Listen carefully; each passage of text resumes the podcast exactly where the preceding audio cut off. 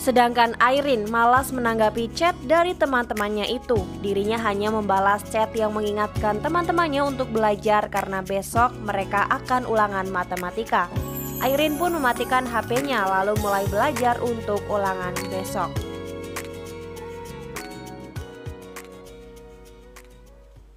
K-pop mulu, sebel gue itu mulu topiknya, gak ada topik lain apa ya?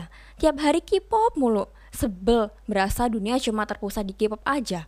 Lama-lama bisa gila gue dengerin mereka bahas K-pop mulu. Sabarin, sabar. Mending belajar buat ulangan matematika besok deh.